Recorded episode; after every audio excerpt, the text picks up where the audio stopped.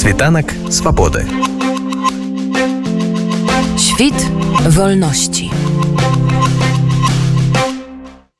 У горадзе Буча Кіевскай вобласці адну з вуліц могуць назваць у гонар Іллі Літвіна першага беларускага беларуса, які загінуў падчас паўнамасштабнага ўварвання рассіі ва ўкраіну, абараняючы горад Бучу ад расійскіх захопнікаў 3 сакавіка 2022 года. З такой ініцыятывай бучанскую гарадскую раду звярнуўся кіраўнік дабрачыннага фонду воль вільна Беларусь Алексей Францкевич, які шчыльна супрацоўнічае з бучанскай грамадскай арганізацыя вільна Бу Буча. Ініцыятыву падтрымліваюць і дэпутаты, якія разгледзяць па прапанову на найбліжэйшай чарговай сесіі гарадской рады. Вось што распавёў нашаму радыё дэпутат бучанскай гарадской рады Васыль Алексюк. Падар Васіль, я ведаю, што зараз і вы як дэпутат і ёсць у вас там грамадская арганізацыя вольная буча вы пачалі супрацоўнічаць з некаторымі беларускімі арганізацыямі ці можете вы расказаць про гэтую супрацу вільна буча це не моя громадська організація це небайдужі громадяни нашого міста зібралися і з перших днів війни допомагають нашим ну людям які були в окупації і по сьогоднішній день надають допомогу тим, хто цього потребує з білорусами. Ну звичайно, що спілкуємося, спілкувалися ще з 2014 року, і е, багатьох е, білорусів знаємо особисто. І е, та зустріч, яка відбулася з паном Олексієм, то я вважаю, що це як продовження нашої дружньої співпраці і допомоги братнього білоруського народу нашим мешканцям нашого міста було доставлена гуманітарна допомога саме благодійним фондом паном Олексієм, якраз до е,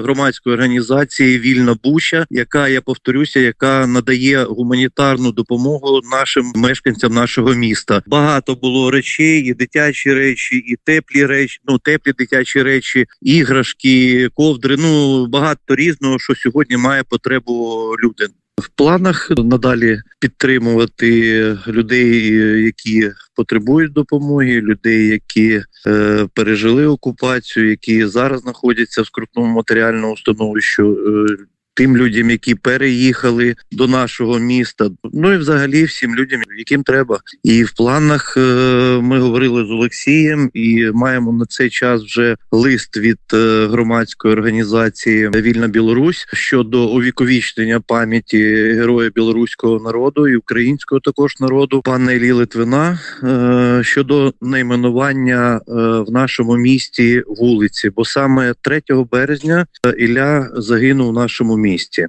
Захищають і свободу, незалежність і правду, і загинув на українській землі. Тож е, така ініціатива саме громадської організації благодійного фонду Вільна Білорусь буде продовженням того, що ми обов'язково винесемо дане питання на розгляд е, комісії по перейменуванню вулиць в процесі декомунізації. Е, ну, ви знаєте, що ми перейменовуємо всі комуністичні пережитки, всі вулиці, які були названі, і зараз в процесі декомунізації називаємо ім'ям героїв сьогодення, героїв минулих років, героїв війни, і тому обов'язково вийдемо з пропозицією. Я як депутат міської ради і буду підтримувати обов'язково таку ідею і назву вулиці відповідно до листа благодійного фонду Вільна Білорусь щодо найменування в нашому місті вулиці на честь героя білоруського українського народу Іллі Литвина. Такое питання може не зусім яно прыемнае для нас у прыватнасці для беларусаў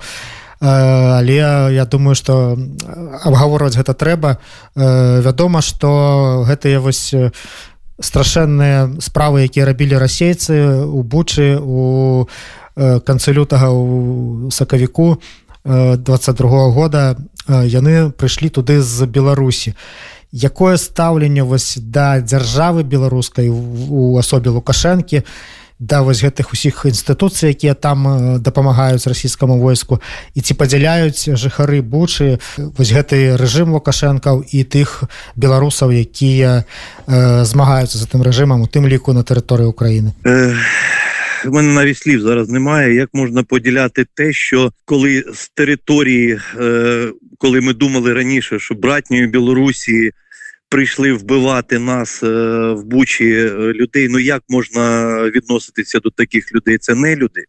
Це не люди, це люди, які прийшли, смерть принесли. Принесли вбивства. Ну тут в мене немає слів навіть. Я, я не знаю, як відповідати вам зараз на це. Я думаю, що весь світ бачив все, що відбувалося в нашому місті, і е, на жаль, це відбулося з території сусідньої держави з е, Республіки Білорусь. Ще раз кажу, на жаль, люди в Бучі, і я впевнений, що і всі в Україні розуміють, що є білоруси, білоруський народ. А є лукашисти, є е, ті, які підтримують сьогодні злочинну владу Білорусі, і е, ті, хто підтримує просто і несе в Україну смерть з території Білорусі. Українці все розуміють, українці все знають, українці все відчули і все розуміють, що відбувається.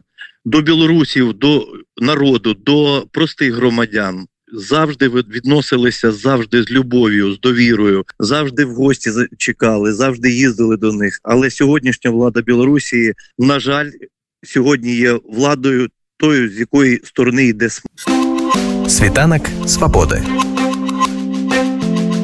Świt wolności.